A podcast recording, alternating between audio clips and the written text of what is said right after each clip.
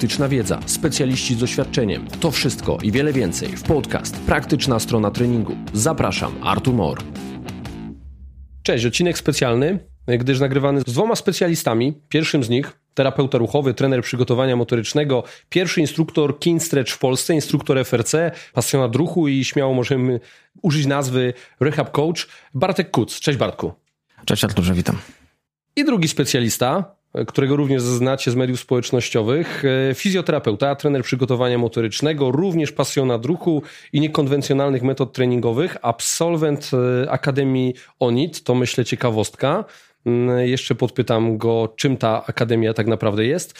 Ekspert w zakresie posturalnego dostosowania ciała i specjalista w dostosowaniu aktywności fizycznej w konkretnych przypadkach klinicznych. E, Kuba Surmacz. Cześć Kuba. Cześć wszystkim, cześć Arturze, cześć Bartku. Nie jesteście tutaj przypadkiem, bo chciałem, ażeby ktoś zaspokoił moją rządzę wiedzy na temat szeroko rozumianej mobilności. Padło na was. E, w mojej ocenie jesteście jednymi z bardziej kojarzonych z tym tematem osób e, w Polsce. No, no Bartek z uwagi na FRC i to, co prezentuje w mediach społecznościowych, ty Kuba chociażby z faktu tego, że e, prowadzisz e, szkolenie online, które właśnie związane jest bezpośrednio z mobilnością. Tak, wykład online i myślę, że jak sytuacja nam pozwoli, to będzie taka edycja rozszerzona i warsztat praktyczny dla osób, które ukończyły sobie taką lekcję online. No, zajmuję się tym tematem. Poniekąd on pozwolił mi tak naprawdę rozpocząć pracę z ludźmi, z drugim człowiekiem i od tego wychodziłem, czyli jak zaczynałem swoją pracę, no to już dobre kilka lat temu, 9, 10, no 9. Czyli prowadziłem na początku zajęcia w klubach crossfitowych, no to moją taką, takim konikiem były te zajęcia mobility. No i tam przychodziło kilka, a potem kilkanaście osób. Ja na takiej grupie wewnętrznej klubowiczów prowadziłem e, strategię postów już wtedy, czyli pisałem im, czego będzie dotyczył dane zajęcia tematycznie, że będą związane z jakimś tam topograficznie obszarem. Dzisiaj bark, potem tam łokieć, nadgarstek. I to się trzyszyło e, różnym zainteresowaniem, ale na tamten czas to zdecydowanie były wystarczające zajęcia. Świetne klasy uzupełniające takie typowe zajęcia crossfitowe, czy jakieś specjalistyczne zajęcia.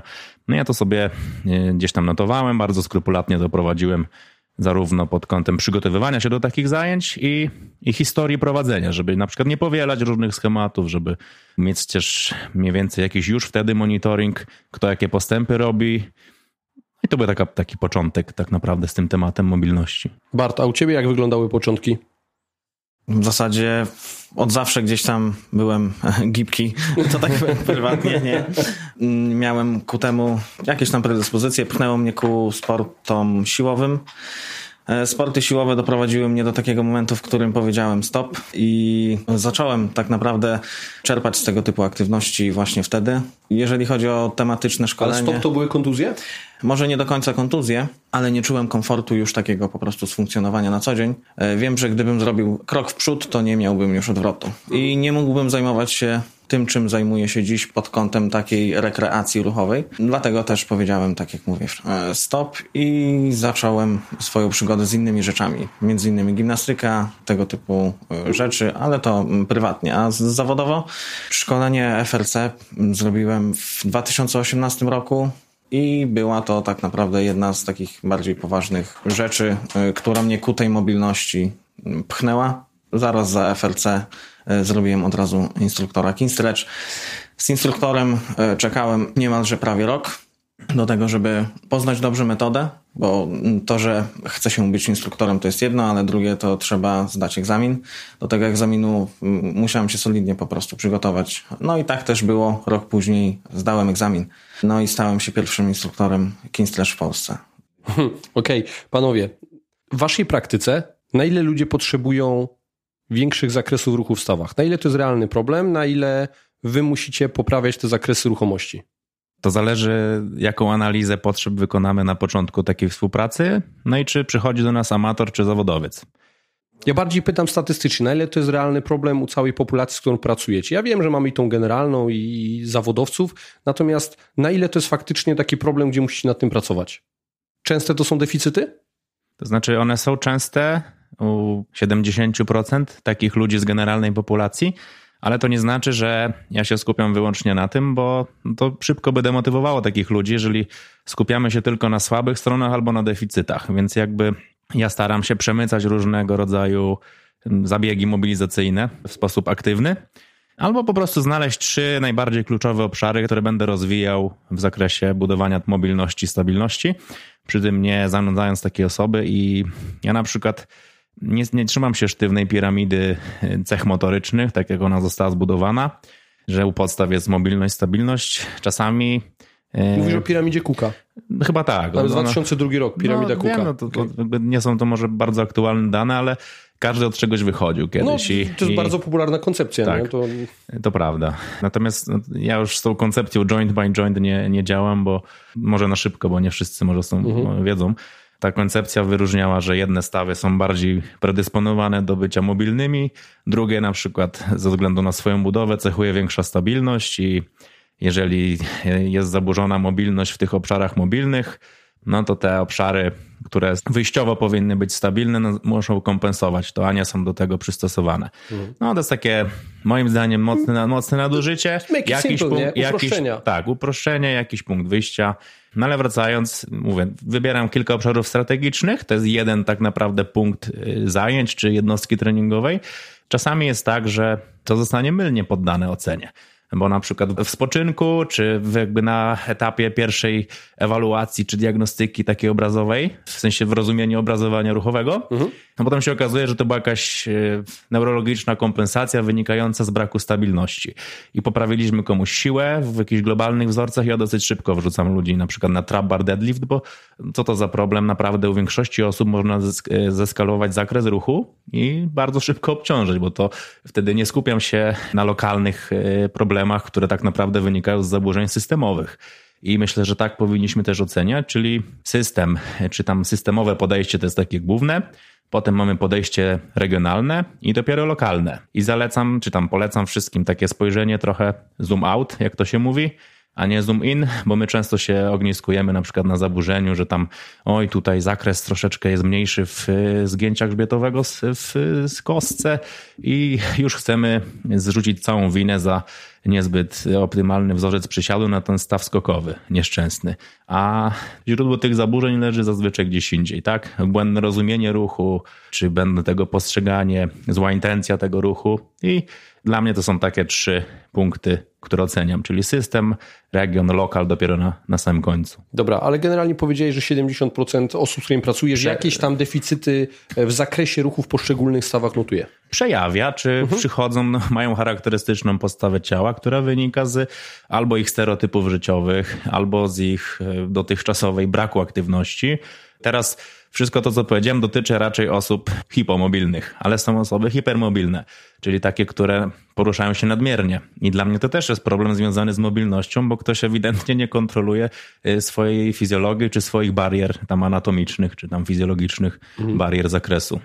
Dobra, a Bart, u ciebie jak to wygląda? Bo dowiemy się od razu, z kim tak naprawdę pracujesz. Mają problemy z tym ludzie, czy nie? Jedna grupa moich y, odbiorców, czy też no, klientów, pacjentów, jak zwał, tak zwał, y, są to osoby pooperacyjne. No i wiadomo, że osoby pooperacyjne y, zawsze ten komponent zakresu ruchomości, pracy nad zakresem ruchomości jest, musi być. Oczywiście do pewnego stopnia, więc zazwyczaj w tym przypadku zawsze. Jeżeli chodzi o osoby, z którymi współpracuję i jeszcze dodatkowo to są osoby zazwyczaj z generalnej populacji i te osoby owszem przejawiają różnego rodzaju deficyty mobilności, ale pytanie, czy faktycznie ile oni tej mobilności potrzebują, tak? Bo wiadomo, że jak zacznie się robić baterię testów y, i zacznie się oceniać w zakresie symetryczności, y, no to różnie to bywa.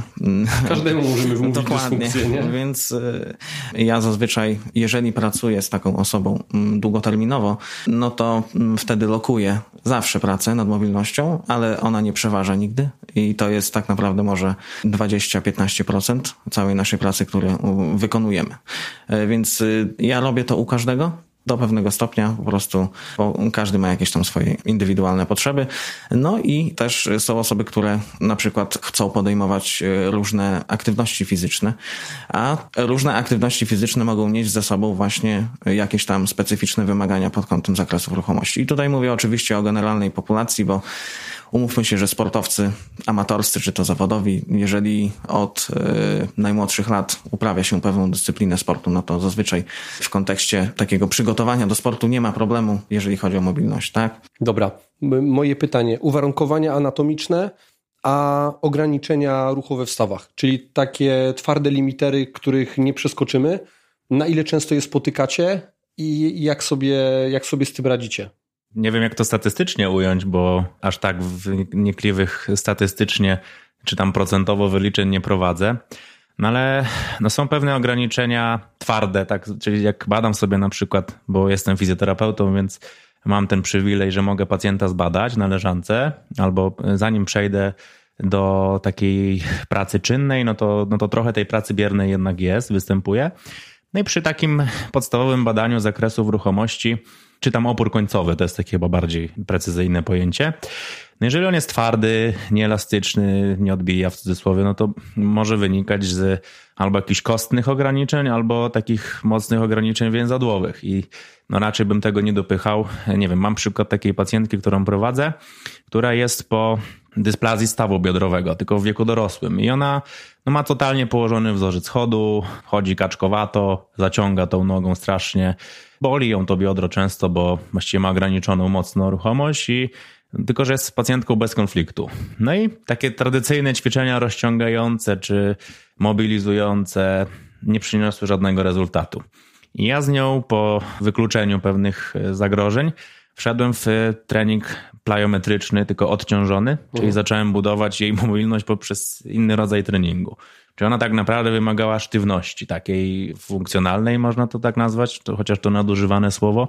No ale w momencie, jak zaczęła inny profil obciążania tego stawu i całej kończyny, to nie dość, że się kończyna wyosiowała, no to ona totalnie poprawiała ten wzorzec chodu, potrafi się odbijać, przetoczyć przez stopę, potrafi stanąć na jednej nodze, co nie było w ogóle możliwe. No i to było takie wejście w trening hipertroficzny pośladków u niej i no świetnie sobie radzi. Mimo, że ma strukturalne ograniczenia, czyli jakbyśmy ten staw biodrowy porównali do nogi zdrowej, chociaż tak nie, nie lubię tak dzielić, ale po prostu różni się prawe biodro od lewego, mhm. ewidentnie, podczas badania manualnego to jeżeli jest dobrze rozgrzane, jeżeli jest już, e, jeżeli regularnie trenuje, bo to też jest, e, no musi regularnie trenować, żeby utrzymać to, co wypracowaliśmy razem, no to jest bardzo dobrze na takim pod kątem funkcjonalnym. Czyli mimo strukturalnych ograniczeń ona sobie świetnie radzi, poprawił jej się chód, nie zmniej kaczkowaty, nie buja się, kontroluje środek ciężkości, no i nie boli ją to biodro. To jest chyba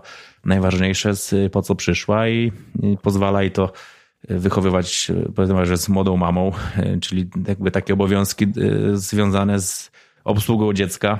Może jest, robić. Tak, może robić, jest jej dużo, dużo łatwiej. Dobra, Bart, a u ciebie jak to wygląda? Na ile ty często napotykasz na takie ograniczenia no, anatomiczne, tak? Czy jakieś już takie sztywne, twarde, których nie możemy przeskoczyć? Nie zdarzyło mi się jeszcze.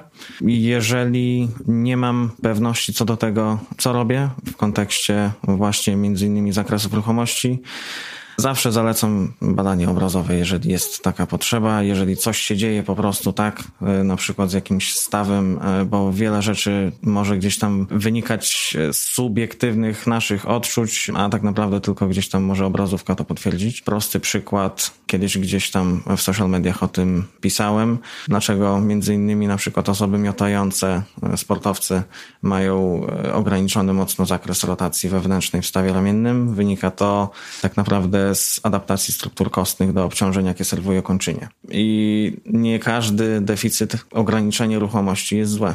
Okay? I nie musimy. adaptacji. Dokładnie, nie musimy niczego na siłę naprawiać ale są pewne momenty, w których warto nad tym pracować, szczególnie jeżeli myślimy właśnie o podejmowaniu różnych e, aktywności. Tak?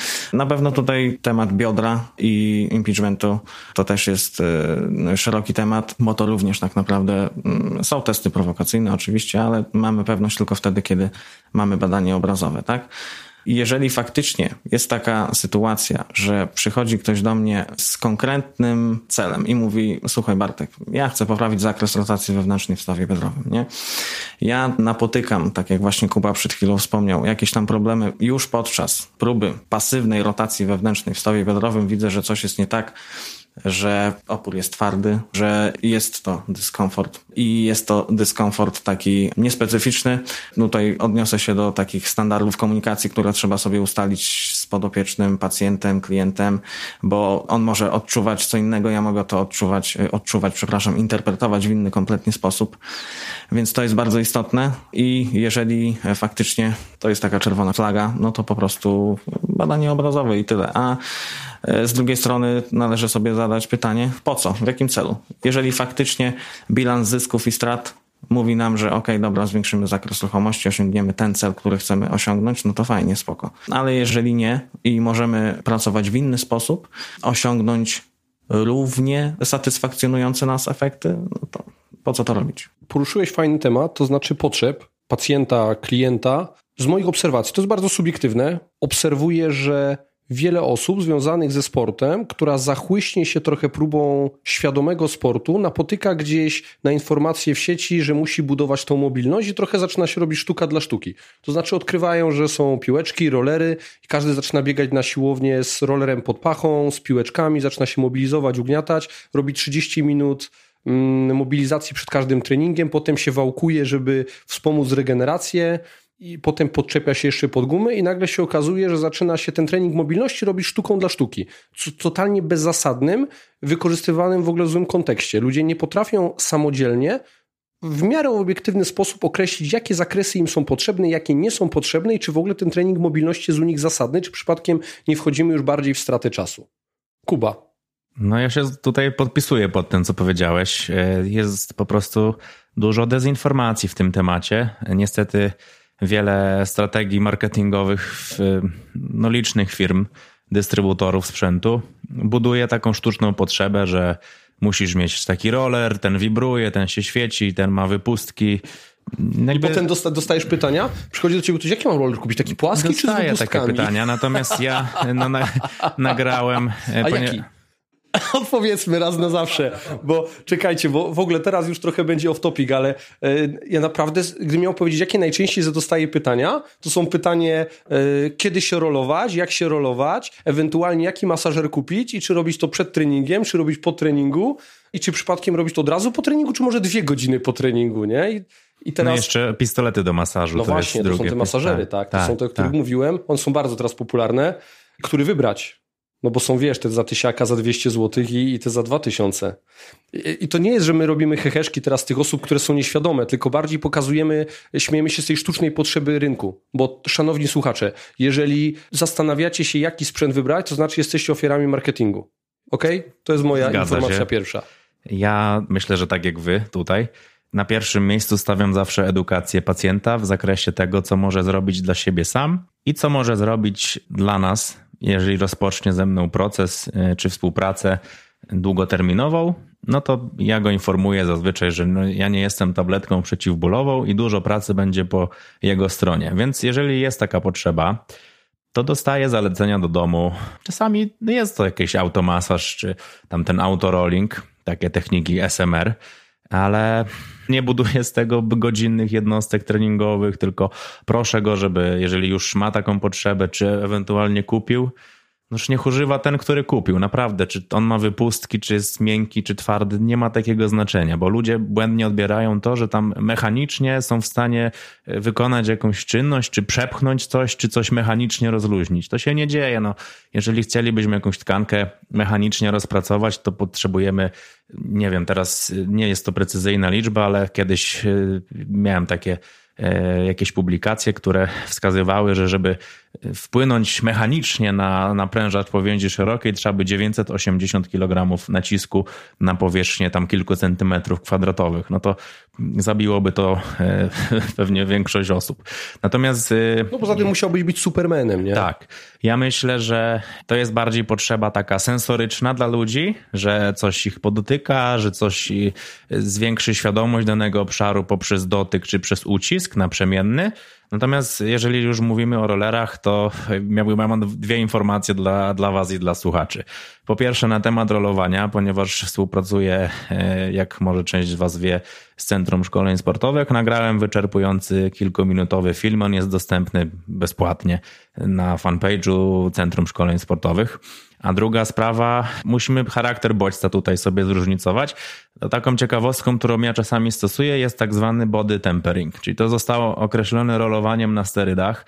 Z tego co wiem, to rozpopularyzował to Donnie Thompson. To są takie fat rollery, takie tam do 50 kilo niektóre ważą. Ja sobie kupiłem takiego loga, taką kłodę, sztangę i czasem zawodnikom, jeżeli widzę zasadność, to to stosuję. Po prostu jeżeli jestem w stanie wpłynąć, bodźcując w taki sposób, żeby ktoś no, nadmierne napięcie czy sztywność w kance pozbył się jej, ale jest to na potrzeby treningu, albo po prostu dociążam takim ciężkim rollerem na koniec treningu, zostawiam, żeby się ktoś tam wyciszył, wszedł sobie w tą fazę przywspółczulną, poddychał, to to mi się sprawdza. Wiadomo, że u takiego chłopa jak ja, który waży więc tam ponad 100 kilo, no to będzie bardziej zasadne niż u jakiejś filigranowej zawodniczki, która waży 48 kg. Raczej bym ją nie dociążał ciężarem własnego ciała jeszcze. Uh-huh. Ale to się wszystko wzięło. Ja Kiedyś jako dziecko trenowałem judo i my mieliśmy po treningu coś takiego jak masaż samurajski, czyli jeden po drugim po prostu chodził i czyli rolowaliśmy się I to są bez te rollerów, i to są zanim metody, to było tak, Make to it są, simple. Tak, I to jest make it simple. Make it simple.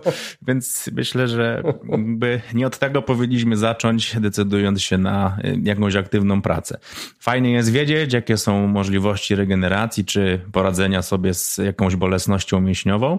Czasami dla podtrzymania efektów terapii z pacjentem jakieś bardziej precyzyjne automasaże proponuję, ale to można zrobić piłeczką, łokciem, kostką. Jest przecież ten cały masaż tkanek głębokich. Już nie wchodźmy w zasadność jego, czy w to, co się tam naprawdę dzieje podczas tego masażu, ale sam ten masaż tkanek głębokich używa kostek, kciuków, piąstek, dłoni, więc jakby ja uczę pacjentów, e, żeby czasami naprawdę nie bali się dotykać swojego ciała i mogą coś opracować. Zresztą zaczęliśmy wcześniej mówić o, o strukturze i o funkcji tym trójkącie struktura, funkcja jest jeszcze pośrodku neurofizjologia, czyli można pewne rzeczy zrobić odruchowo i myślę, że zgodnie z obowiązującą wiedzą, to my tak naprawdę pracujemy na odruchach tkanki i to, że ktoś sobie coś rozrolował i ucisnął, to nie jest wyłącznie bodziec mechaniczny, tylko jakaś reakcja odruchowa zaszła. Być może układ autonomiczny zareaguje takim globalnym rozluźnieniem systemowym i ktoś weźmie głęboki wydech pierwszy raz od dłuższego czasu i po prostu odczuje ulgę. Natomiast, żeby nie dyskwalifikować rollerów, chociaż mówiłem to w tym filmie, o którym wspomniałem, ja używam rolek takich gładkich, płaskich, bo one mi na przykład świetnie amortyzują uderzenia. Czyli jeżeli kogoś uczę pewnych y, pozycji, uczę kogoś, jak ma się w ogóle rozpędzić, y, nie wiem, są różne takie ćwiczenia koordynacyjne, które stosuję, no to rolery są świetne, ponieważ jeżeli ktoś się rozpędza i hamuje na ścianie, no to nie, nie uderzy się w dłoń, tylko roller jako taka rura po prostu spusta w środku rozproszy energię uderzenia i jest świetnym narzędziem, naprawdę do tego się świetnie sprawdza. Jak część z Was może widzieć, ja używam piankowych rollerów, ale nie do rolowania, tylko do rozgrzewek, do ćwiczeń koordynacyjnych, do żonglowania, ponieważ mam różnych sportowców, oni mają różne profile, różne potrzeby i ten trening musi być naprawdę urozmaicony. Więc ja używam rolek, tylko nie w kontekście regeneracji, ani nie w kontekście masażu. Bartku, jakie jest twoje ulubione narzędzie do rolowania? Kuba tak wyczerpująco odpowiedział, że ja tutaj muszę się mocno postarać. Jeżeli chodzi o sam, samo rolowanie, jeżeli jego używam, jeżeli korzystam z jego benefitów, jeżeli można to tak nazwać w ogóle, to zazwyczaj przy pacjentach e, pooperacyjnych którzy potrzebują tej terapii manualnej, a na przykład nie mają do niej dostępu. A czasem jest tak, że po prostu okoliczne tkanki, na przykład y, obszaru y, zabiegowego, mogą rzucać cień y, tego bólu, tego dyskomfortu, i to może wynikać gdzieś tam właśnie, no oczywiście, cała gama procesów neurofizjologicznych i stymulacja piłeczką końcówki VMO albo jakiegoś tam innego punktu potrafi na przykład znieść uciążliwą dolegliwość bólową stawu kolanowego, ale to mówię to w przypadku osób e, pooperacyjnych. Tak to zazwyczaj nie stosuje e, tego typu narzędzi.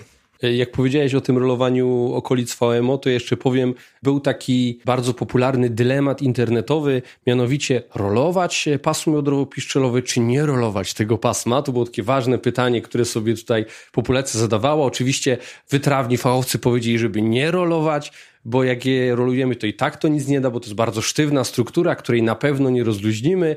E, ja zawsze się śmiałem, że tak naprawdę to jest pytanie, czy to będzie działało, czy nie. To jest w ogóle jak pytanie do terapii manualnej. Nie? No jakimś to bodźcem będzie i teraz ja ze swojej praktyki, kiedy jeszcze zachłysnąłem się tym rolowaniem lata, lata temu i jeszcze myślałem, że to ma jakiś fajny impact, e, widziałem, że dawało fajne, fajne czasami benefity, bo sobie ktoś najechał jeszcze gdzieś tutaj na okolicy napinacza, naprężacza powierzchni szerokiej i nagle się okazywało, że miał dolegliwości kolana biegacza, zrolował sobie to pasmo, nawet samo to pasmo i było lepiej. I dla mnie to było ok. I po dziś dzień dla mnie jest ok, tylko nie dorabiam do tego jakiejś magicznej teorii, bo, bo to pasmo dalej jakie było, tak tam będzie. Ale wróćmy trochę może do tego, co tak naprawdę działa. Czyli jak już faktycznie w swojej pracy widzicie osobę, która ma te ograniczenia ruchomości i widzicie zasadność poprawy tych zakresów, no bo to jest ważny kontekst, czyli jest ten kontekst uwzględniony, to jakich metod stosujecie albo jakie metody u kogo stosujecie? Ja się odniosę do takiej koncepcji jak profilowanie tam neurologiczne. Wiem, że wchodzimy w bardzo no, w pole jest, minowe. Jak, jak, jest neuro, to ja już uwielbiam pole minowe, temat, ale Będę się posiłkował takimi postaciami w treningu jak Charles Poliquin i Christian Thibodeau. Charles jako chyba pierwszy, chociaż wcześniej przed nim taki był taki doktor Bob Rakowski. I on kiedyś, y, czyli Poliquin na podstawie jego prac napisał artykuł Five Elements. Chodziło tam o to, że idealny plan treningowy nie istnieje, dążymy do tego, że w jakiś sposób jesteśmy w stanie sprofilować swoją osobowość, czyli zrobić sobie taki mind sonar albo na bazie temperament, temperamentu, czy zdolności do bycia zaangażowanym i profilu neuroprzekaźników określamy czyjeś zdolności wysiłkowe. No i tak na szybko zróbmy taki uproszczony przejście po tej koncepcji. Mamy typ 1, który jest typem takim dopaminowym i on reaguje bardzo, albo no, jest nastawiony na intensywność, albo na eksplozywność. Jest typ 2, 2A i 2B. 1A i 1B też jest. No i tam oni są, 2A jest nastawiony na różnorodność, a 2B na, na sensation, na doznania, na czucie mięśniowe. I jest typ trzeci, taki security i jego profil neuroprzekaźników stawia go w. On lubi rutyny, nie lubi zmian, musi mieć poczucie bezpieczeństwa w treningu. No i teraz nie wolno, znaczy nie wolno, no wolno, ale ja nie stosuję tego zero-jedynkowo, tylko są pewne cechy osobowości. Wystarczy na daną osobę spojrzeć, żeby przyporządkować ją do, do danego typu. I teraz w nawiązaniu do tego, Każda taka osoba no, będzie jej profil dyktował inne potrzeby. I te osoby numer trzy, one faktycznie być może potrzebują dłuższego wejścia w trening i zasadnym będzie stosowanie różnych technik, nawet delikatnie tonizujących bo my mamy coś takiego no jak układ nerwowy. No i jakby nasza pobudliwość, właściwie pobudliwość tego układu jest zupełnie inna i nasz stan psychofizyczny jest zupełnie inny przed treningiem, w czasie treningu i w czasie, kiedy, nie wiem, kładziemy się spać. No nikt nie jest w takich samych nastrojach, czy nie ma takiego samego poziomu adrenaliny chociażby. I teraz są osoby, które wchodzą na ten trening z taką większą dawką przywspółczulną i je trzeba dostymulować, zaangażować, pobudzić, uczynić e, ich, ich rozgrzewkę, czy wejście w trening bardziej atrakcyjnym, dynamicznym, żywym. Natomiast są osoby, które mają na przykład dawkę współczulną za wysoką, wchodzą w trening prawie że rozdrażnieni i trzeba ich trochę stonizować, zanim w ten trening właściwy e, wejdą. W nawiązaniu do tego stosuje się dużo różnych metod. I myślę, że przegląd metod, to nie, no nie będziemy dzisiaj robić jakiegoś szerokiego mhm. przeglądu, bo nie mamy na to tyle czasu, ale co jest ważne, nie możemy na siłę, czyli na przykład znamy dwie koncepcje i próbujemy do modelu koncepcyjnego, do jakichś paradygmatów dostosować pacjenta, nagiąć tego pacjenta, żeby mi się wpisał w mój model postępowania. Powinniśmy znać kilka koncepcji, i w nawiązaniu do tego nawet stworzyć pewnego rodzaju blend technik, i wiedzieć, kiedy sobie je z tego narzędnika treningowego, trenerskiego wyciągnąć i dostosować do potrzeb i wymagań albo konkretnej dyscypliny, albo konkretnej osoby czy jednostki klinicznej. Mhm. Bart, jak to u ciebie wygląda? Jeżeli chodzi o samą mobilność, jakie techniki są najskuteczniejsze? Wychodzę z założenia, że dobry protokół, stricte, jeżeli rozmawiamy o mobilności, a konkretnie gibkości, bo w zasadzie terminologię mobilności przyjęliśmy troszkę z biomechaniki, nie do końca ona się zgadza z tym, czym no, faktycznie wiesz, jest. Jakbyśmy poruszyli koncepcję biomechaniczną, to, No, to w ogóle jest odklejone, nie? Od, Tak, tak, tak. od nazewnictwa takiego fizycznego i biomechanicznego. Dokładnie no, podejrzewam z tego względu używamy takiego, a nie określenia. W ogóle, wiesz co, Bart, to ja może przerwę y, tą twoją odpowiedź. Ja wrócę może trochę do tej standaryzacji, co? Y, Mobilność, elastyczność, gibkość. Spróbujmy sobie to zróżnicować. Jak jest mikrofon przy tobie, no to, to, to Bart, to lecimy. Jeżeli chodzi o książkową definicję mobilności, w kontekście właśnie, tak jak wspomniałem, gdzieś tam tej biomechaniki, to mobilność jest to zdolność do wykorzystania ruchomej podstawy podparcia, na przykład nóg, w celu przejścia z punktu A do punktu B w trójwymiarowej przestrzeni. To jest mobilność. Zdolność do poruszania E, się. Dokładnie. Stabilność z kolei możemy nazwać czymś w bardzo dużym uproszczeniu, czymś przeciwnym. Konkretnie utrzymywanie nieruchomej postawy podparcia względem podłoża. Okej? Wbrew zewnętrznym siłom działającym na obiekt. Dokładnie tak, dokładnie tak. Wraz z- ze stabilnością, mobilność tworzą funkcjonalne zdolności ruchowe człowieka, które uwarunkowane będą między innymi, tak jak powiedziałeś, wymaganiami środowiska, e, rodzajem podejmowanych e, zadań. I to, co przyjęte zostało potocznie za mobilność, to w gruncie rzeczy akademicka gibkość, o której de facto wszyscy się uczyliśmy chyba gdzieś tam kiedyś. To jest takie stare pojęcie, które e, słyszy się gdzieś z tych podręczników o lekko pożółkłych stronach i tam się mówi gibkość. Jest chyba nawet, ja to wrzucałem u siebie kiedyś w mediach społecznościowych, siła, piękno, chyba gibkość, e, taki stary podręcznik do, do treningu takiego siły. No ale dobra, to już taki off topic. Ja tylko się wtrącę na chwilę, już zaraz oddam. Jest takie pojęcie jak gibkość wytrzymałościowa, czyli po prostu jak długo jesteś w stanie utrzymać się w, nie wiem, w niewygodnej pozycji. I to gdzieś tam w literaturze sobie funkcjonuje, więc myślę, że nie jest to aż tak przestarzałe, jak nam się wydaje. Albo po prostu na, na kilka, albo na to, co wszyscy obserwują i jest właściwie tym samym, każdy to inaczej nazywa. Dokładnie tak. A propos tej gibkości, definicja z antropomotoryki mówi, że w gruncie rzeczy to zdolność do wykonywania ruchów o dużej amplitudzie. Po prostu. I tak jak staram się zgłębić temat szeroko rozumianej mobilności, nie ograniczam się tylko i wyłącznie do jednej szkoły, tak e, próbowałem sobie przetłumaczyć słowo flexibility z angielskiego. Tak naprawdę flexibility oznacza gibkość, nie elastyczność. Bo elastyczność jest komponentą gibkości, tak, Tak naprawdę. E, Więc y, myślę, że na ten moment tyle wystarczy.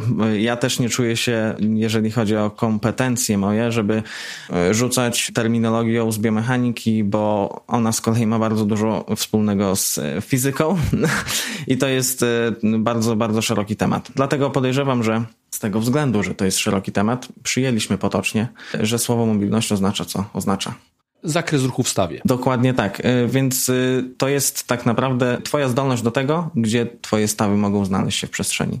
Po prostu. Niezależnie od tego, czy to jest dynamiczne, czy to jest e, statyczne. Co mi na przykład się właśnie w metodyce FRC nie podoba, to to, że oni dzielą tylko zakres ruchomości na aktywny i pasywny. Koniec. Kropka, dziękuję, do widzenia. Nie? A, a tak naprawdę w świecie to nie wygląda. W sensie jest też coś takiego jak przyspieszenie. Tak naprawdę jest też coś takiego jak dynamika, więc y, to wygląda troszkę inaczej i myślę, że ten model jest kompletny, o którym wspomniałem. Dobra, Bartku, no to dziękuję za, za przybliżenie trochę nazewnictwa i opisania go. Wróćmy do tego pytania, które zadałem Ci wcześniej, czyli w Twojej praktyce z jakich metod korzystasz? Pisząc protokół, racjonalny protokół powinien zawierać trzy podstawowe elementy. Pracę nad pasywnymi komponentami tkankowymi, pracę nad siłą i pracę nad dynamiką. I to mm, są trzy podstawowe e, tak naprawdę zmienne, którymi powinniśmy manipulować w zależności od tego, jaki cel chcemy uzyskać. Okay? Jeżeli chcesz wysoko kopać, no to nie będziesz pracować tylko nad tym, żeby budować siłę w tym zakresie, w końcowych zakresach ruchomości, ale trzeba też wzbogacić to o komponent dynamiczny, co jest istotne. Oczywiście wcześniej pracując nad komponentą statyczną. Ja bardzo lubię jedną terminologię, jedną koncepcję związaną z budowaniem mobilności. Ja całość mojej pracy upraszczam do niej, to znaczy na początku dowolnymi metodami buduję zakres ruchu, a potem stosuję metodę use it or lose it. I teraz dodaję siłę w końcowym zakresie ruchu, w tym zakresie, który chcę kontrolować różnymi metodami, z różnymi koncepcjami. Nie make it simple. Zbuduj zakres ruchu jakąkolwiek metodą, a potem utrwal poprzez naukę kontrolowania w tym zakresie, co jest bezpośrednio związane z komponentą siły mięśniowej. Ile w waszej pracy jest terapii manualnej? Ile jest tego takiego ugniatania tkanki? A żeby osiągnąć ten zakres ruchu, który potem utrwalacie? Procentowo to no, może być 10% okay, tak naprawdę. Dobra, fair Czyli enough. bardzo się to zmieniło przez lata ostatnie. Chociaż ja zawsze, ja jako ja byłem osobą aktywną. Może nie wyglądam, ale jakoś sprawność czy wszechstronność, może tak powinienem powiedzieć, prezentuję i zawsze starałem się, mimo ograniczeń, zachęcać ludzi do, do ruchu, do treningu, pokazywać im, że to, że mają jakiś deficyt, ruchowy czy deficyt w kontekście tego zakresu ruchu, nie oznacza, że nie są zdolni do wykonywania czynności, ćwiczeń w innych segmentach ciała chociażby. Także ja mało pracuję manualnie, bo jestem zwolennikiem szybkiej aktywizacji pacjentów. Nie dyskwalifikując oczywiście terapii manualnej, która ma zasadność, yy, tak jak Bartek, ma dużo więcej pacjentów świeżo pooperacyjnych niż ja, którzy wymagają pewnego uruchomienia biernego czy tam manualnego ale przewaga tych aktywnych terapii jest taka, że angażujemy, czy tak naprawdę wytyczamy program motoryczny. Inne jest zaangażowanie pacjenta. On nie może zostać bierny podczas tego, bo musi się mentalnie zaangażować na poziomie licznych ośrodków, czy myślę, że dłużej to zostaje z nim, ta aktywna praca, niż efekty pracy manualnej. Nie, manualna się kończy chwilę po tym, jak terapia się skończyła, nie? No ale dobra, ja wrócę do tego zdania, jak cię przedstawiałem. Pasjonat ruchu i niekonwencjonalnych metod treningowych. I wiesz co, jakkolwiek dziwnie to brzmi, znaczy dla kogoś może to dziwnie brzmieć, no bo ktoś no dobra, nie? Fizjoterapeuta, trener, po co komplikować? Ale w tym jest y, dużo takiej prawdy, jak cię przedstawiałem. Dlaczego? Jak gdybym miał powiedzieć, z czym cię kojarzę? Ja ciebie kojarzę na przykład z pracą z maczugami która biorąc pod uwagę na przykład obręcz barkową, te wszystkie zamachy za głową, które są, no to, to dla mnie to jest wow, nie? To jest dla mnie Świetna właśnie, sprawa. to dla mnie kwintesencja budowania zakresu ruchu w stawie kontrolowanego. To jest dynamika, Trening balistyczny. I to jest mobility dla mnie. I to jest, to mobility. jest mobility, tylko takie, no wiadomo, że od tego nie zaczynamy, jakąś drogę przechodzimy, czyli jakby myśmy mieli nadać temu jakąś strukturę, no to, to mogą być na początku ćwiczenia w odciążeniu z pomocą TRX-ów czy kółek gimnastycznych. Iść na basen, popływać e, Iść na basen, oczywiście, tak. Potem mogą być ćwiczenia z, z modulowanym oporem, z taśmami, czy z, z czymś, co da się jakby rozciągnąć, ale no naprawdę mityczne 4 razy 8 na external rotation to nie jest remedium mm. na storze rotatorów czy na bolące barki, więc właśnie o to chodzi, że ta obręcz barkowa musi godzić dwie sprzeczności, czyli stosunkowo ciasne, upakowane struktury i duża ilość struktur jak na tak małą powierzchnię stawową. No i bardzo duży, spektakularny nieraz wręcz zakres ruchomości, tak? Bo jak weźmiemy pod uwagę cały rytm ramienno-łopatkowy, to kątowo to jest bardzo duży zakres w stopniach. Tak jest. Plus te zakresy rotacji. No i to jest takie, oprócz bardziej zaawansowanych ćwiczeń gimnastycznych, jakieś stanie na rękach, przemieszczanie się na rękach, no to te ćwiczenia, może nie jest to metodycznie poprawne, ale nazwijmy balistyczne, bo jest to jakiś manewr. Wiesz, że czymś... W ogóle słowem balistycznym to jest tak, że ja sobie robiłem przegląd literatury i chciałem ustandaryzować jakoś to pojęcie, czym są ćwiczenia balistyczne i nie ma tej standaryzacji. Znaczy nawet osoby, które e, jakoś się biorą za to pojęcie i są w tym naprawdę kumate, to oni sami mówią, no, no nie, jeszcze tego nie ustandaryzowaliśmy i, i trochę czasami przeginamy z tym, że próbujemy szufladkować pewne ćwiczenia, że są takie, a nie inne. Można by próbować mierzyć prędkość y, kuli w tej maczudze i wtedy określać na tej podstawie, jakie to ćwiczenie. Czy buduje moc, czy siłę szybkościową, czy inne tam parametry. Kuba, mogę ci przerwać? Czy chcesz jakiś wątek dokończyć? Jak ci przedstawiałem, absolwent Akademii ONIT. I właśnie z tego ONITu y, wzięła się początek przygody ze Steelmace. Ze Steelmace, tak, zgadza się. Może co to jest ONIT? Może nie wszyscy wiedzą. To jest akademia treningowa i takie duże miejsce treningowe w Austin w Teksasie. Mega inspirujące miejsce, pełne frików, e, ale takich w dobrym tego słowa znaczeniu. Z tego co się orientuję, nigdy tam nie byłem, ale moim zamiarem jest tam udać się. Organizują swoją wewnętrzną strukturę w planety, czyli planety to są sale treningowe. No i jedne oferują zajęcia z brazylijskiego jiu-jitsu, czy po prostu z, z mixed martial arts. Inne są pod opieką takiej postaci jak Eric Leja i on ze swoją narzeczoną już chyba, Francesco Martinez, zajmują się tam ketlami. Ale nie w takim e, hardstyle'owym czy strong firstowym treningu, być może tacy fanatycznie oddani metodyce kettlebells y, osoby trenujące po prostu nas tutaj będą potem krzyżować, ale no nie wszystko musi być ustrukturyzowane, bo tam nadrzędnym celem jest flow, czyli wprowadzanie różnych przedmiotów w ruch. No i stworzyli swój system treningowy, czy zarówno rozwijający systemy energetyczne, jak i po prostu dający ludziom no mega frajdę, bo, bo można kulę z uchem po prostu wykorzystać inaczej niż do tylko tak, do zawiasowego snatcha, tak, i, i presa. I to jest fajne i mi to się spodobało. Spodobało mi się z kilku powodów, oczywiście wizualnych, bo no, wygląda to fajnie, a w mojej kulturze czy w środowisku, w jakim dorastałem, no to ja zawsze miałem bujną wyobraźnię i taka fantastyka, czy takie rzeczy mi się podobały, a poniekąd y, przypomina to jakaś tam walka, nie wiem, bronią czy coś takiego. No i ma to też zastosowanie chociażby w tych sportach walki, bo wydaje mi się, że oni to stworzyli na potrzeby przygotowania motorycznego pod brazylijskie jiu-jitsu, bo mhm. samo brazylijskie jiu-jitsu nie było wystarczające do prewencji urazów chociażby, czy budowania konkretnych zdolności i oni zaczęli to wykorzystywać. No i zdolność jakby kontrolowania oporu zewnętrznego, który przyspiesza w sposób nie do końca przewidywalny, jest trudna, tak? No, mhm. Buduje to pewność siebie, czy odwagę, no bo jest zawsze ryzyko, że uderzysz się w głowę, spadnie ci to na stopę, czy zarobisz gdzieś tam po biodrach, ale trzeba to przełamać i, i odkryć to w sobie. No, mhm. Kolejną planetą właśnie są te steel cluby, czyli takie maczugi o trochę innym profilu i wyglądzie, i Steel Mace'y. Ja sobie ściągnąłem oryginalne onitowskie do Polski ze Stanów, bo wcześniej kupiłem od wszystkich dostępnych dystrybutorów w Polsce i każdy były źle wyważone. I to jest trochę tak jak ze sztangą, że jak raz zrobisz na sztandze Lego czy, czy Roga, no to potem czujesz różnicę, jak weźmiesz jakąś sztangę no-name'ową z Chin y, kontenerem mhm. ciągniętą. I wiadomo, osoby początkujące może zupełnie nie widzą różnicy, a jest taka różnica. I jakby kwestia wyważenia kuli i rękojeści tego, tego Mace'a, czy taka szybka anatomia tej maczugi stalowej, mhm jest dosyć istotna w bardziej zaawansowanych sekwencjach ruchowych, mhm. czy próbie podrzucania tego, wykonywania jakichś złożonych e, figur, czy tego flow. No, po prostu trzeba to czuć w jakimś stopniu.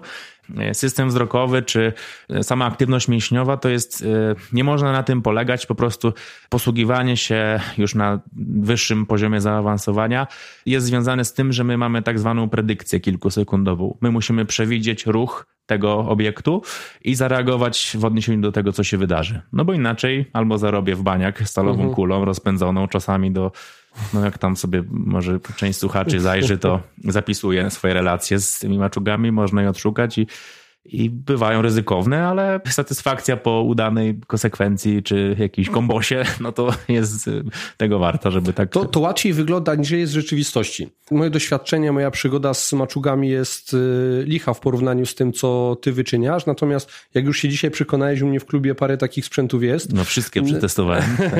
Widziałem. Naprawdę fajnie. Natomiast... Przygotowałeś się na mój przyjazd. Tak, Natomiast y, przez większość czasu te sprzęty się kurzą, ale kurzą właśnie dlatego, że trzeba na to trochę czasu poświęcić. To nie jest dla każdego. Na pewno nie zaczynałbym jakiegokolwiek treningu, próby kontrolowania zakresu ruchu, wykorzystując ćwiczenia z maczugami, bo skończyłoby się to po prostu wielkim guzem na, na głowie podopiecznego. Nie? To najczęściej nie jest czas i miejsce. Trzeba z tego przysiąść. Wbrew pozorom, że to jest takie frywolne, no to tam są też określone figury, które mają swoje nazwy. Uppercut na przykład, albo crossbody bottom, crossbody up, czyli tak, tak jak mamy pojęcia wprowadzone do treningu crossfit czy do treningu gimnastycznego, tak? Są pozycje przecież na kołach ring support, ring bottom, jakiś tam toenail transition, mhm. no to tak samo w treningu z maczugami są określone sekwencje, czyli przechodzi się tam różne poziomy. Kombinowanie, flow i pewna dowolność jest na samym końcu, tak? Ludzie chcą od tego zaczynać, e, co jest błędnie. No tak jak budujemy sobie piramidę sprawności od jakichś podstaw, czyli jakąś wyjściową mobilność i stabilność muszę mieć, żeby eksperymentować z trudniejszymi, za bardziej zaawansowanymi metodami treningowymi, tak samo jest tutaj. Czyli ja zaczynam od w ogóle właśnie anatomii Mace'a, tak jak powiedziałem, potem od e, jakby pracowania do i od, bo tak jak sztandze się przekazuje energię w dwuboju olimpijskim, tak, no bo sztanga musi zostać rozpędzona, doprowadzona na przykład do biodra w rwaniu i ma pewien moment bezwładności. Na tym to polega fizyka. I tak samo jest z, z maczugą, tylko że musimy kontrolować zupełnie inne płaszczyzny, bo ona jest obciążona bardziej z jednej strony, a, a z drugiej jest odciążona. No i no, trzeba troszeczkę potrenować po prostu, żeby to wyglądało tak łatwo, jak wygląda. Jak u ciebie. E, Bart, dlaczego tak związałeś się z FRC? Dlaczego kin stretch, dlaczego koncepcja Functional Range Control, tak? Tak to się nazywa. Conditioning. Conditioning. Conditioning. Okay. Functional Range Conditioning. Dlaczego się związałem? E, było to coś nowego, kompletnie nowego w momencie, gdy pojechałem do Liverpoolu, bo e, robiłem szkolenie w Liverpoolu. Aktualnie były chyba trzy osoby, które zrobiły FRC w Polsce. E, czy przypadkiem ja byłem trzeci? Nie chcę skłamać, ale tak to mniej więcej wyglądało. Zrobiłem też, tak jak wcześniej wspominałem, papierek e, Kinstretch. A dlaczego? Tak jak wspomniałem, to było coś nowego. E, chciałem coś przywieźć tutaj, czego tak naprawdę nie było, a dziś mogę powiedzieć, że jest, tylko w innej formie. Po prostu. Czym się charakteryzuje ta koncepcja e, okay. FRC? Jeżeli no chodzi... bo jej prekursorem i założycielem tej szkoły jest Andreo Spina, tak? Andreo Spina, tak. I on jest y, też pasjonatem brazylijskiego jiu-jitsu. Dokładnie tak. No ona się podejrzewam stamtąd wywodzi. Mhm. Zresztą co widać, bo dużo pozycji jest bardzo specyficznych, i nie do osiągnięcia dla zjadaczy chleba, mm. zwykłych zjadaczy chleba, ale tak i tak naprawdę trzy główne takie misje, które, no może za dużo powiedziane, bo zaraz tutaj, żeby nie było, że to religia jakaś. Um, każda, ale... każda metoda ma trochę religii i no, swoich wyznawców. dokładnie tak, no, dlatego też z ust osób, y, które gdzieś tam się właśnie pojawiają FRC, czasem trywialne wręcz rzeczy padają, ale podejrzewam to z, gdzieś tam tak jest z jakimiś metodami treningowymi i później niestety osoby, które mają ten sam papierek są utożsamiane z tymi frikami, nie? Mhm. Ale to już abstrahując. E, wracając e, do FRC. FRC w trzech zdaniach. Budowa mobilności funkcjonalnej. Oni rozumieją przez e, mobilność funkcjonalną siłę stawów oraz kontrolę neurologiczną. Dwa, budowa wytrzymałości stawowej, rozumianej jako zwiększenie możliwości tolerowanego obciążenia nastawy. Utożsamiają to z injury prevention szerokim, ale ja bym na ten temat dywagował troszkę. I po prostu longevity, tak to się mówi? E, mhm, zdrowie mhm. stawów. Mhm. Zdrowie stawów i długowieczność po prostu. To w trzech słowach bardzo krótko. No wiesz co, no to, to brzmi całkiem logicznie, tak? To trudno jakby nawet z tym polemizować. Ja lubię być krytyczny wobec różnych koncepcji, ale muszę przyznać, że szkoła FRC to była szkoła, do której chciałem się wybrać e, w czasach, no przed czasami tego pierwszego lockdownu, już właściwie przed kliknięciem, żeby wybrać się na szkolenie w Wiedniu. Pomimo, że wiem, że tam bym nie usłyszał nie wiadomo jak, jakich nowości, zresztą ty potwierdziłeś to w rozmowie jeszcze przed nagraniem, Natomiast ona to jest tak fair metoda. Ona jest fair, ona jest uczciwa, ona bazuje na takich fundamentach fizjologicznych, które są zasadne, prawdziwe, no, są faktami i korzystamy z tego. Co mi najbardziej się podoba w tej metodzie, to to, że po prostu, żeby coś osiągnąć, musisz na coś zapracować i oni mówią o tym po prostu, że niestety są quick fixy i efekty e, instant, ale to tylko gdzieś w bajkach. Po prostu ciężka praca. No i tyle. Ale jest coś, o czym rozmawialiśmy wcześniej, czyli jeżeli widzicie kogoś, zwłaszcza te osoby, które są twarzami tych, na przykład tego FRC, no to oni byli tak gibcy, e, czy tak mobilni, jak sobie to w uproszczony sposób nazwaliśmy, już przed tym, jak w ogóle się z tą szkołą związali, po prostu są predysponowani do tak dużych zakresów ruchu w stawach, kontrolowanych, niekontrolowanych, to już jest inna historia, czy nie są hipermobilni, czy po prostu tak, tak świetnie e, gibcy. Dokładnie tak, jak najbardziej tutaj po prostu e, marketing. No, bierzemy sobie frika i, i na nim robimy marketing. Ja tylko w nawiązaniu do tej konsekwencji, o której Bartek mówi w odniesieniu do FRC, Polygon kiedyś powiedział: Strength is gained, in the range is trained. I trochę to się sprowadza do tych podstaw FRC, że jeżeli nie wypracowałeś danej kontroli motorycznej, czy tej kontroli 3D, czy kontrolowanej rotacji w stawie, na której bazuje koncepcja, no to nie spodziewaj się, że to będzie dla ciebie tak zwany nie useless, tylko functional, e, functional range. range uh-huh. no. Zgadzam się z tym, co mówisz, Kuba, chociaż nie podobają mi się pewne statementy, e, które widzi się w social mediach, typu, że na przykład e, pasywne zakresy ruchomości są właśnie useless. Nawet odświeżając sobie gdzieś tam prezentację, a oni gdzieś to umieścili, ale w cudzysłowie. Ale mimo wszystko, no, nie uważam, żeby to było useless. Mhm. Nie jest. Wyprowadź z błędu, ale wiem, że oni bardzo sobie cenią i chełbią taki zakres ruchu na zimno.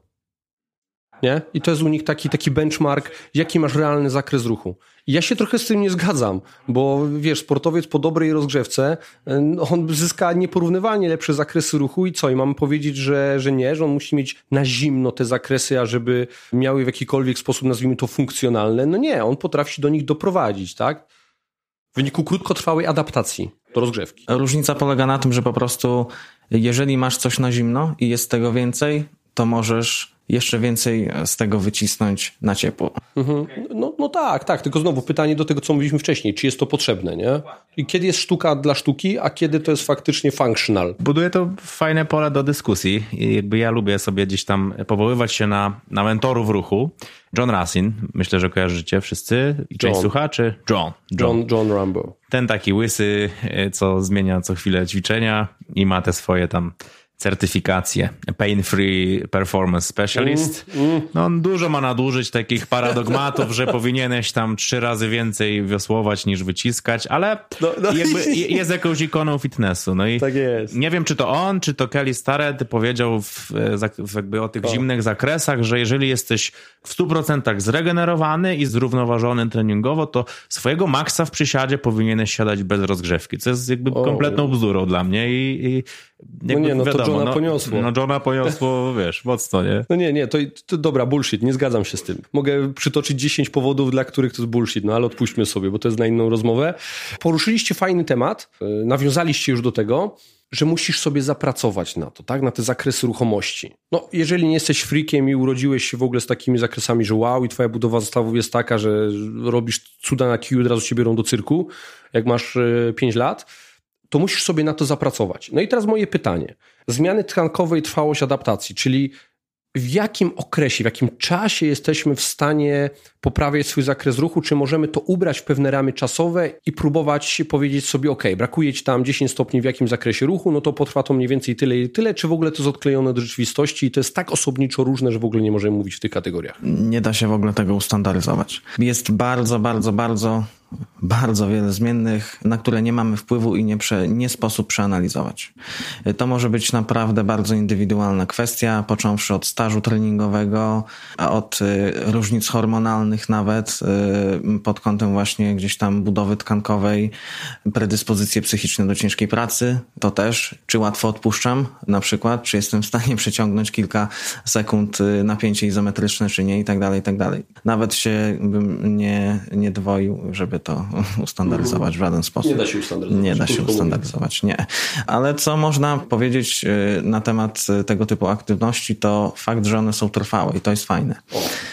I tego też nie da się niestety ustandaryzować, bo mm, tak jak sam na początku powiedziałeś, y, use it or lose it, coś w tym jest, ale tak jest ze wszystkim, tak jest z wydolnością, tak jest z siłą, tak jest ze wszystkim po prostu. Ale i tak ta, ten zakresy ruchu wypadają najlepiej z tego wszystkiego. Tak, bo wystarczy lekka stymulacja i ty znowu masz tyle, ile miałeś. Mhm. W ten sposób. Jeżeli odpowiedni czas przepracujesz, 6, 8, 12 tygodni, to zmiany są na tyle trwałe, że to po prostu jest. To jest trochę jak z tą koncepcją superkompensacji, czyli na początku, kiedy mamy duży potencjał niewykorzystany, zmiany są bardzo efektowne, są bardzo duże, ale im dłużej ten proces superkompensacji jest powtarzany, im nasz progres jest większy, tym te zmiany, skala tych zmian jest mniejsza, ale jest bardziej utrwalona. Dokładnie tak i ja też wychodzę z założenia, że tego typu aktywności powinno się programować. Bo takie pytania typu a kiedy najlepiej, a kiedy to, a kiedy tamto, one są bez sensu bo naprawdę jest tyle zmiennych, które trzeba przeanalizować, że to naprawdę jest bardzo ciężkie. Ja na przykład korzystam z takich dwóch prostych arkuszu w przypadku co do na przykład osób z generalnej populacji. Kompletnie inaczej to wygląda, jeżeli przychodzi sportowiec, bo tam jeszcze są dodatkowe zmienne. Często po co dokładać kolejne ćwiczenie magiczne na to lub na tamto, ono nie zadziała. Niestety to tak, tak, tak nie funkcjonuje. Mogę tutaj przytoczyć taką prostą ankietę. Na przykład w przypadku osoby z General Population. Mm, jedyneczka, jakich nowych umiejętności chcesz się nauczyć, jakiego sportu chcesz spróbować. Dwójeczka, co chcesz osiągnąć i w czym chcesz być lepszy. trójeczka, jakie są wymogi tego sportu pod kątem właśnie zakresów ruchomości między innymi, bo o tym rozmawiamy teraz. Mhm. Nie mówimy tutaj o SD i tak dalej. Co lubisz robić? To też jest istotne, nastawienie twoje w ogóle do pracy i tak dalej. Jakie są twoje obecne możliwości? Jaka jest twoja historia urazów? Y, jak bardzo cierpliwy i konsekwentny będziesz? Y, jaki jest twój temperament? Jaki masz rodzaj pracy? Czy jest stresujący i tak dalej? I ta lista jeszcze nie jest, to nie jest wszystko. Ona dla mnie jest, jest wow. Ja, ja uwielbiam takie dobrze zadane pytania w wywiadzie. To jest w ogóle, wywiad to jest 90% mojej roboty. I widzę, że to słyszałeś, nie? Dla mnie to tak, tak mi się fajnie na sercu zrobiło. Nie, jest, nie sugeruje niczego. Aha. To są pytania y, obiektywne. Tak. E, w przypadku sportowców dochodzą jeszcze zmienne treningowe, sezonowe i to jest bardzo, bardzo szeroki temat, ale dodatkowe pytania, jakie należy zadać w przypadku właśnie pracy ze sportowcem, które ja zadaję, o tak, może nie należy zadać, bo to też jest kwestia dyskusyjna. E, czy ograniczenie ruchomości może wpływać negatywnie bądź hamować rozwój określonych cech motorycznych? Czy faktycznie tak jest? Czy po dłuższej przerwie od treningu ograniczenie ruchomości, problem z mobilnością utrzymuje się, mhm. bo może off-season, jest off-season i wraca wszystko do normy i okazuje się, że problemem nie jest na przykład e, zakres ruchu, a volume treningowy? Zagotowany sportowiec? Dokładnie.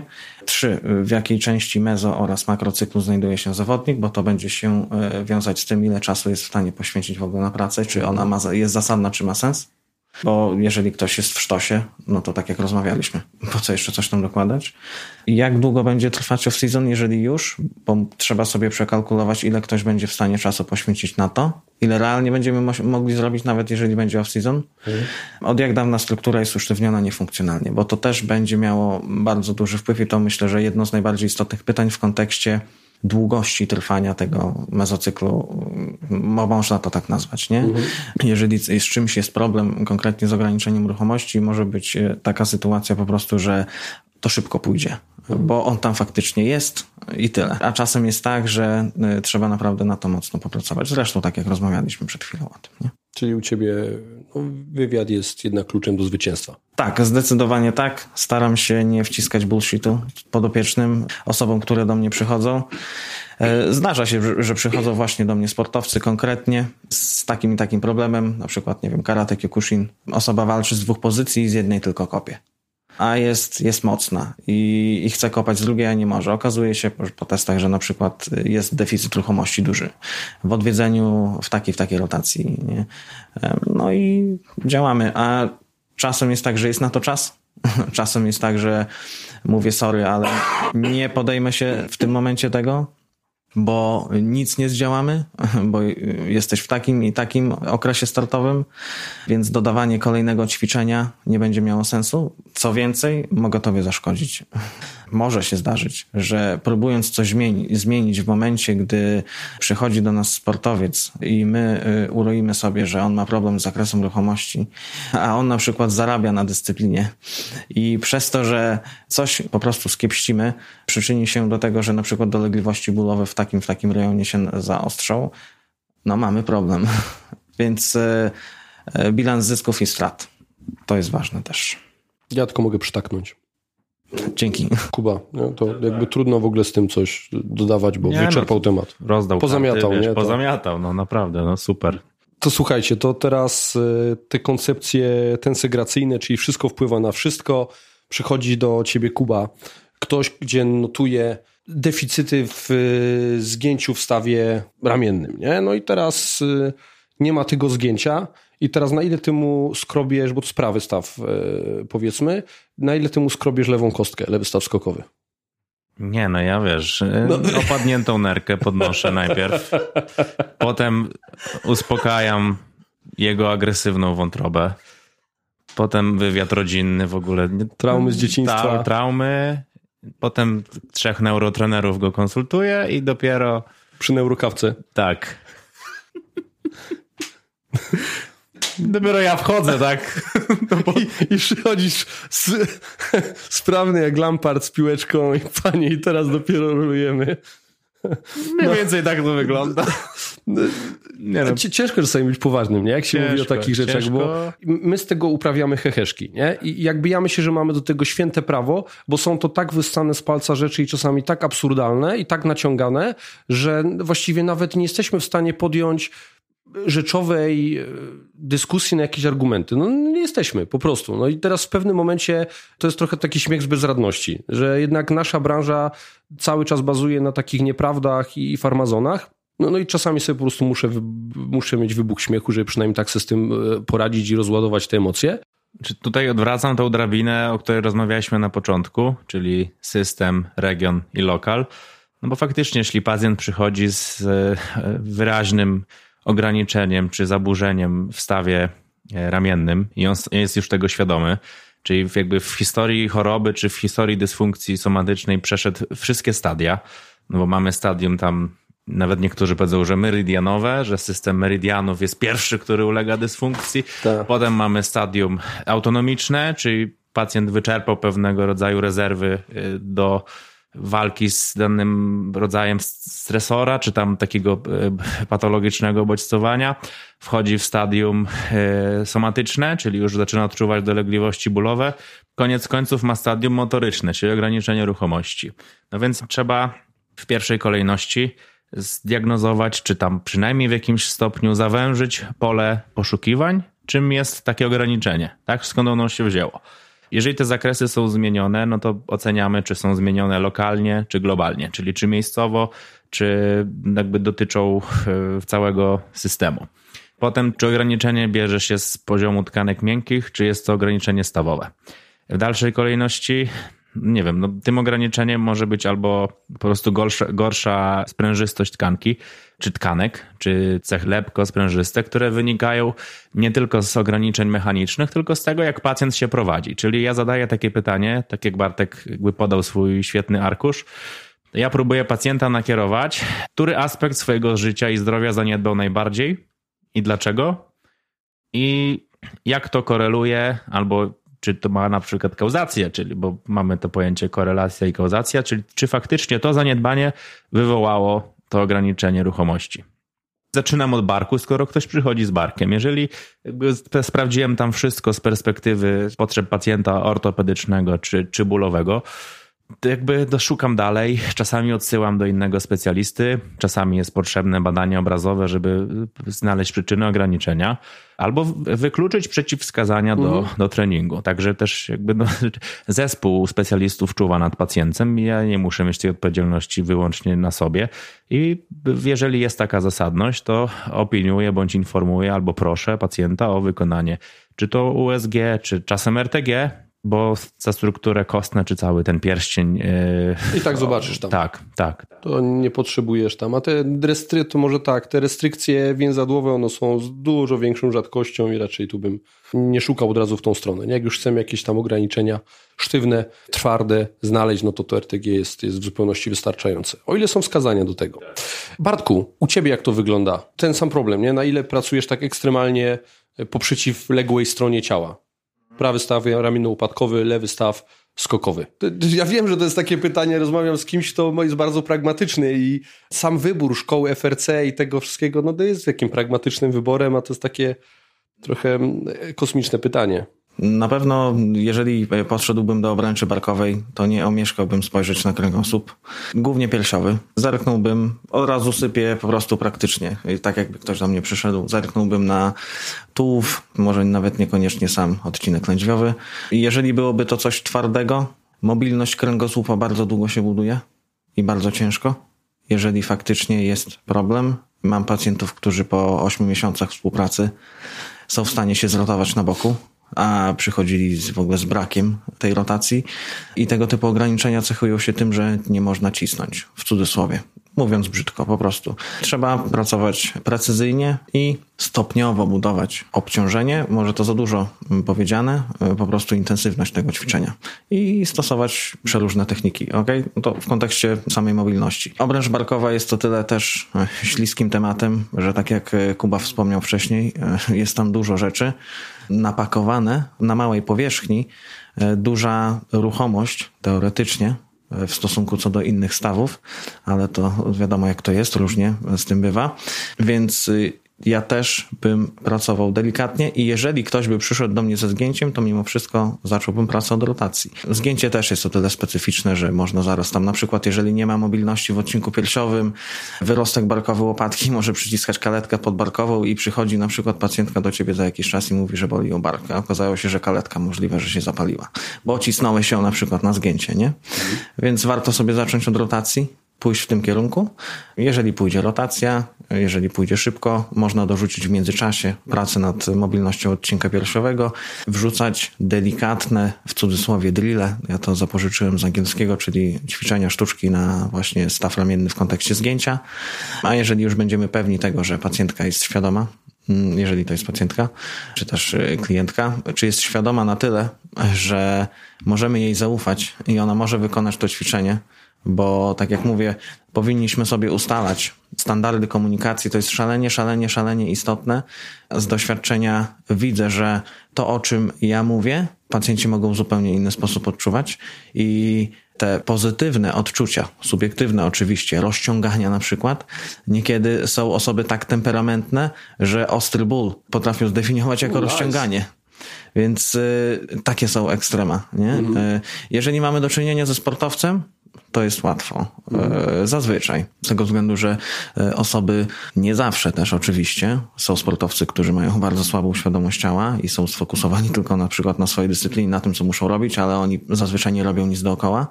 A są sportowcy, którzy mają naprawdę dużą świadomość ciała. Oczywiście ja też nie jestem fanem ekstremum, bo są sportowcy, którzy, którzy są nadwymiar wyczuleni na pewne rzeczy i to też nie jest dobre bo już później wpadają w taki mętlik błędnych informacji i oni w sumie nie wiedzą, jak interpretować informacje, które przychodzą, czy to jest ciągnięcie, czy to jest kłucie, czy to jest to, czy to jest tamto.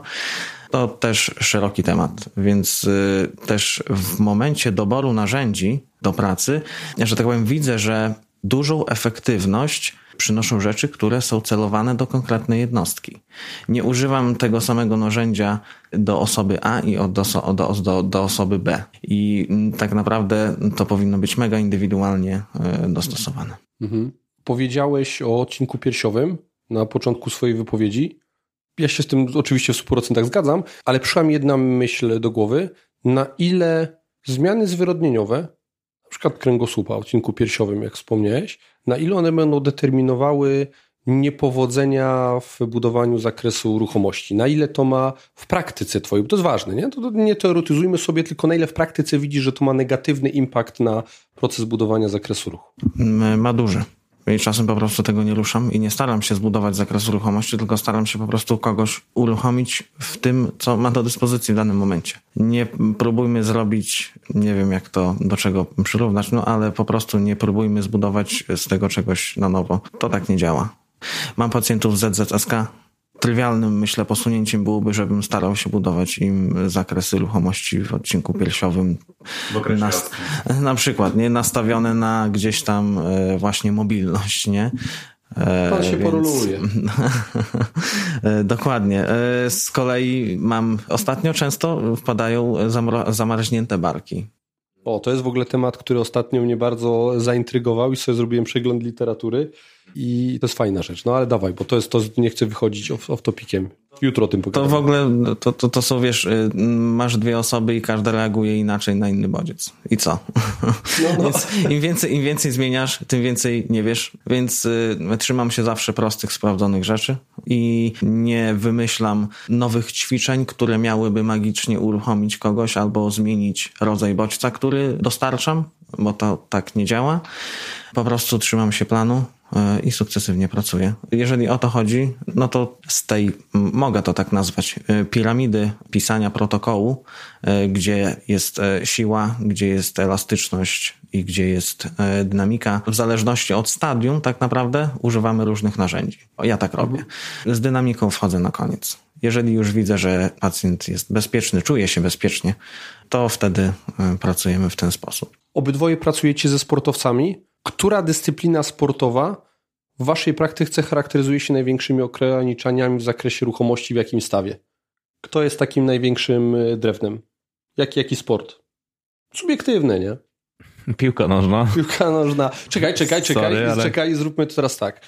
E, Jakubie, Jakubie, najmniej sprawna grupa sportowców i dlaczego to są piłkarze nożni?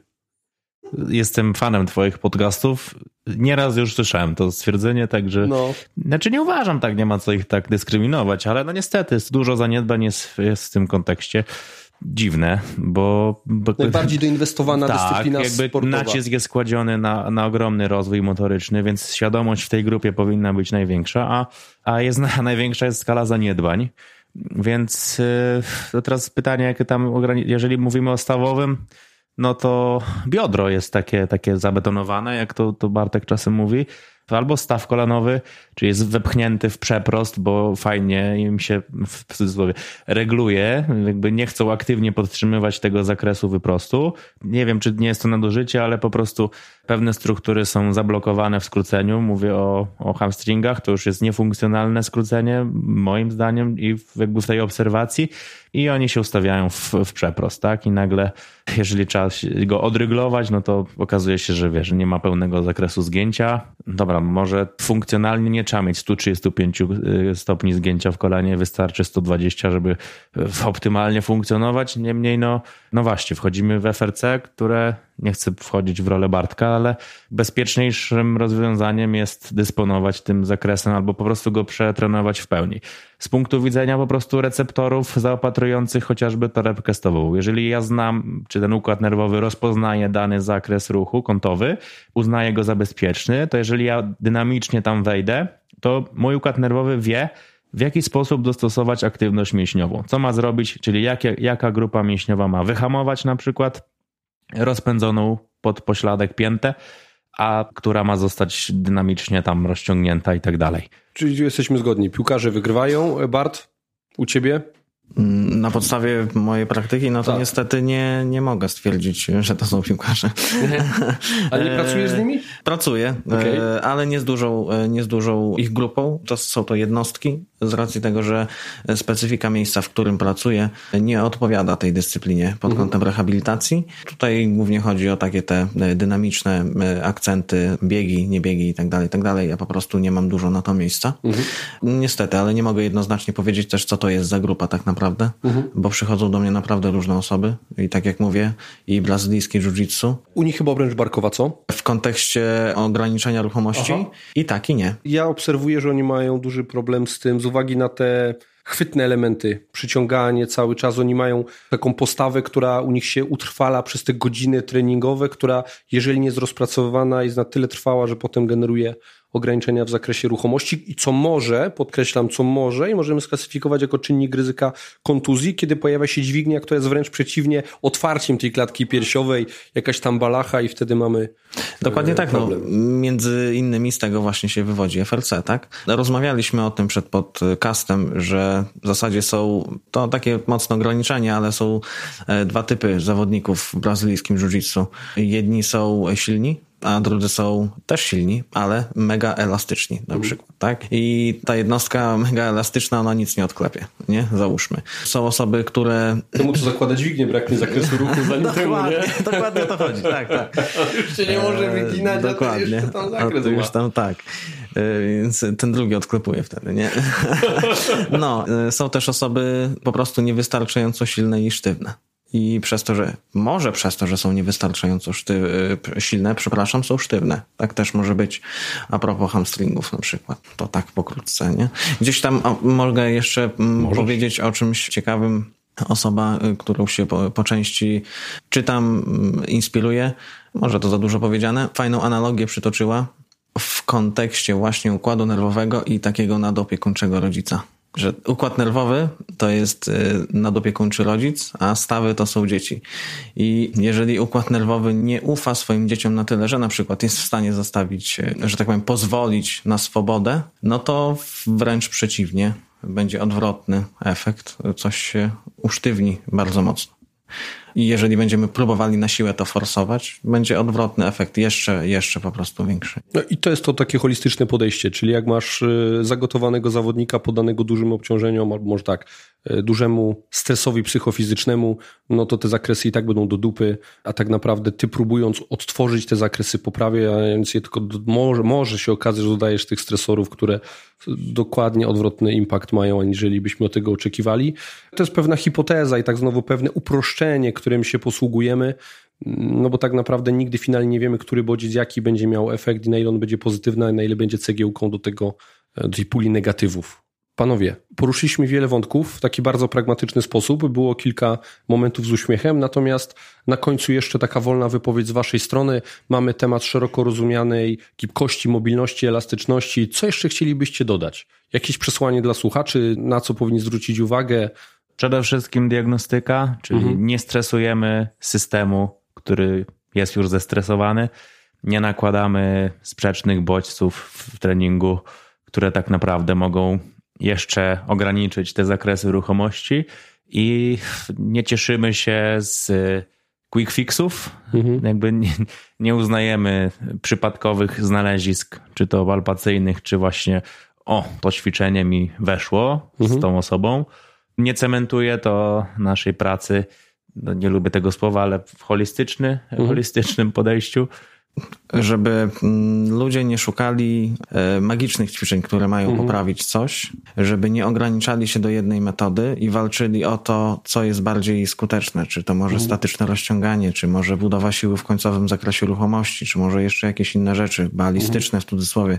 Wszystko ma znaczenie i kompleksowe podejście powinno brać pod uwagę te trzy zmienne, główne parametry w zasadzie treningowe i tego typu rzeczy powinno się planować i na takiej samej zasadzie po prostu jak trening siłowy. Tyle. Fajnie, że ten temat do końca poruszyłeś, tych różnych metod, czy też stretching przywołać do tablicy, no bo, a u, u, słuchajcie, umieśćmy sobie, spróbujmy sobie umieścić te poszczególne metody w ramach jednostki treningowej, no bo to takie najpopularniejsze próba umiejscowienia tego. No, zaczynamy trening. Potwierdzaj bądź zaprzeczaj to, co będę mówił, Bart. Jak, jak już jesteśmy przy tobie i mikrofon jest przy tobie, na początku chcemy zwiększyć ten zakres ruchu. No i teraz możemy, jeżeli mamy jakieś tam restrykcje w zakresie ruchu, możemy posłużyć się tymi rollerami, piłeczkami, dowolnymi metodami, które w sposób taki pasywny trochę te tkanki nam uelastycznią chwilowo. Potem, jeżeli chcemy zwiększyć taki potencjał elastyczności, ale w dynamice, no to dynamiczne rozciągania, różne wykopy, wymachy, przy okazji jeszcze sobie może to być fajny pap, element papu, bądź może to, to po prostu zabezpieczy nas przed urazami, rozbudzi nas układ nerwowy. No i na koniec możemy sobie pozwolić na taki cooldown w postaci delikatnego stretchingu, jako coś, co nas y, wyciszy, a niekoniecznie nawet będzie budowało jakieś zakresy ruchu. Możemy sobie odrabiać jakąś do tego teorię, że kapilary, które są w okolicach włókien mięśniowych, one będą potem troszeczkę rozprężone i poprawimy sobie tym samym trofikę. Nie? To jest takie opowiadanie historii, ale, ale jest to jakiś element przyspieszenia może trochę tego recovery, nie? Wymyśl zasady, że róbmy cokolwiek, aniżeli nic, żeby poprawić nasze recovery. Tak, tak. I jak najbardziej. Tutaj taki właśnie klasyczny protokół ramp i po prostu te wszystkie aktywności, o których wspomniałeś w kontekście mobilizacji, no, można lokować w tamtym e, jak najbardziej rejonie. Stretching statyczny, e, jeszcze tak e, szybko wtrącając, to też w ogóle bardzo ciekawy temat. Może wiele osób zaskoczy, może nie, ale okazuje się, że stretching statyczny to nie tylko neurologiczne adaptacje, ale dochodzi też do fizjologicznych adaptacji struktury. Mhm. Albert Filip Żołądek, którego tutaj wszyscy wszyscy pewnie serdecznie pozdrawiamy. Fajny monolog przedstawił w e, sieci mhm. na temat właśnie rozciągania i potencjalnego wpływu na aparaty, na, na aparat, przepraszam, ścięgnisty, ale okazuje się też, że i tkanka mięśniowa jest w stanie się po prostu wydłużać w kontekście nie wiem, czy dobrze to z fizjologicznego punktu e, widzenia nazwę, ale sarkomery się repozycjonują w kierunku, w którym aplikowana jest siła. Mhm. I to są jakieś publikacje nowe, mhm. które wyszły i które sugerują, że coś takiego może istnieć. Więc... Adaptacja tkanki do bodźca. Dokładnie tak, dokładnie tak. Więc y, nie y, szukajmy, tak jak Kuba powiedział, quick fixów. Pracujmy ciężko, kompleksowo, analizujmy wszystkie zmienne i przede wszystkim konsekwencja, bo to też jest bardzo istotne, konsekwencja. Progressive overload, czyli mhm. im bardziej będziemy obciążać tkankę w granicach jej możliwości adaptacyjnych, tym ona będzie bardziej wytrzymała na obciążenie. I to się tyczy stawu, tkanek otaczających I no, na tej podstawie po prostu starajmy się znajdować takie zadania, które zaangażują osoby z nami współpracujące na wielu poziomach, bo im lepiej coś zostanie przetworzone, tym lepiej zostanie zapamiętane, utrwalone. Chętnie do tego wracamy, jeśli widzimy w tym sens i wielowymiarowość takich zadań ruchowych. Czyli mobilizacje niech będą też ciekawe. Tak, no niech mają jakieś elementy sensoryczne czasami, tak? Czy łączące wiele wątków, czy wiele systemów, czy tam podsystemów regulujących naszą postawę, no bo to wszystko zintegrowane mhm. sprawi, że będzie bardziej kompleksowe. Ale to, co powiedziałeś, czyli o tym, żeby trening, żeby terapia była ciekawa, to jest coś, co przyświeca też temu, co robię. Wielokrotnie, ja o tym też będę mówił jutro na warsztatach, natomiast wiemy, że w przypadku tendinopatii musimy tą tkankę dociążyć, tak? Odbudować jej capacity na to obciążenie, potem tolerancję na coraz to bardziej dynamiczne działanie sił zewnętrznych. To jest jakby już fakt, o którym wiemy, że jest obligatoryjny w terapii. Natomiast narzędzia, jakich użyjemy, żeby tą terapię zaprogramować według tego, o czym teraz powiedziałem w skrócie, musimy dobierać, znaczy powinniśmy dobierać nie tylko pod kątem skuteczności, to jest pierwsze kryterium, ale również pod kątem tego, jak to jest interesujące dla naszego klienta, pacjenta, bo on wtedy wytrwa w tej terapii. Jeżeli będziemy robili zasadne, ale nudne elementy treningu terapii, no to nią porzuci. On jej nie będzie chętnie wykonywał i nagle mając do wyboru przysiad jednonóż na klocku podwyższonym 30 y, stopni, a front skład w butach ciężarowych, to osiągniemy właściwie dokładnie, możemy osiągnąć dokładnie to samo, tylko że na tym klocku to ja bym nie wytrwał, ty byś nie wytrwał, ty byś nie wytrwał, a front skłata w butach ciężarowych e, w koncepcji heavy slow resistance training przełknęlibyśmy, nie? A efekt terapeutyczny byłby dokładnie ten sam albo bardzo zbliżony i z pewnością byśmy wytrwali w tej terapii. Okej, okay, panowie, e, bardzo dziękuję za poświęcony czas. To była przyjemność z wami porozmawiać. Cieszę się, że goszczę was w Katowicach. Będziemy jeszcze mieli okazję porozmawiać przez dwa dni, ale myślę, że na dzisiaj już wystarczy. Dzięki również za, za zaproszenie. Jest to dla mnie ogromne wyróżnienie, biorąc pod uwagę wcześniejszych gości podcastu. No i zawsze chciałem tu trafić, także piątka dla mnie samego. Dobra, wygrałeś Kuba, okej. Okay. No co ja mogę dodać? Ty, ty cię po prostu pożegnaj, Bartek, ty po prostu. Dziękuję wszystkim słuchaczom za to, że chciało wam się dotrwać do końca. Dzięki wielkie Artur za zaproszenie. Również jest to dla mnie zaszczyt. Mam nadzieję, że ktoś coś wyciągnie z tego podcastu i pozdro. Z pewnością. Ponad godzinę fajnych naprawdę informacji. Dziękuję Wam za spotkanie, dziękuję słuchaczom za, za odsłuchanie i do usłyszenia w następnym odcinku. Cześć, trzymajcie się, hej!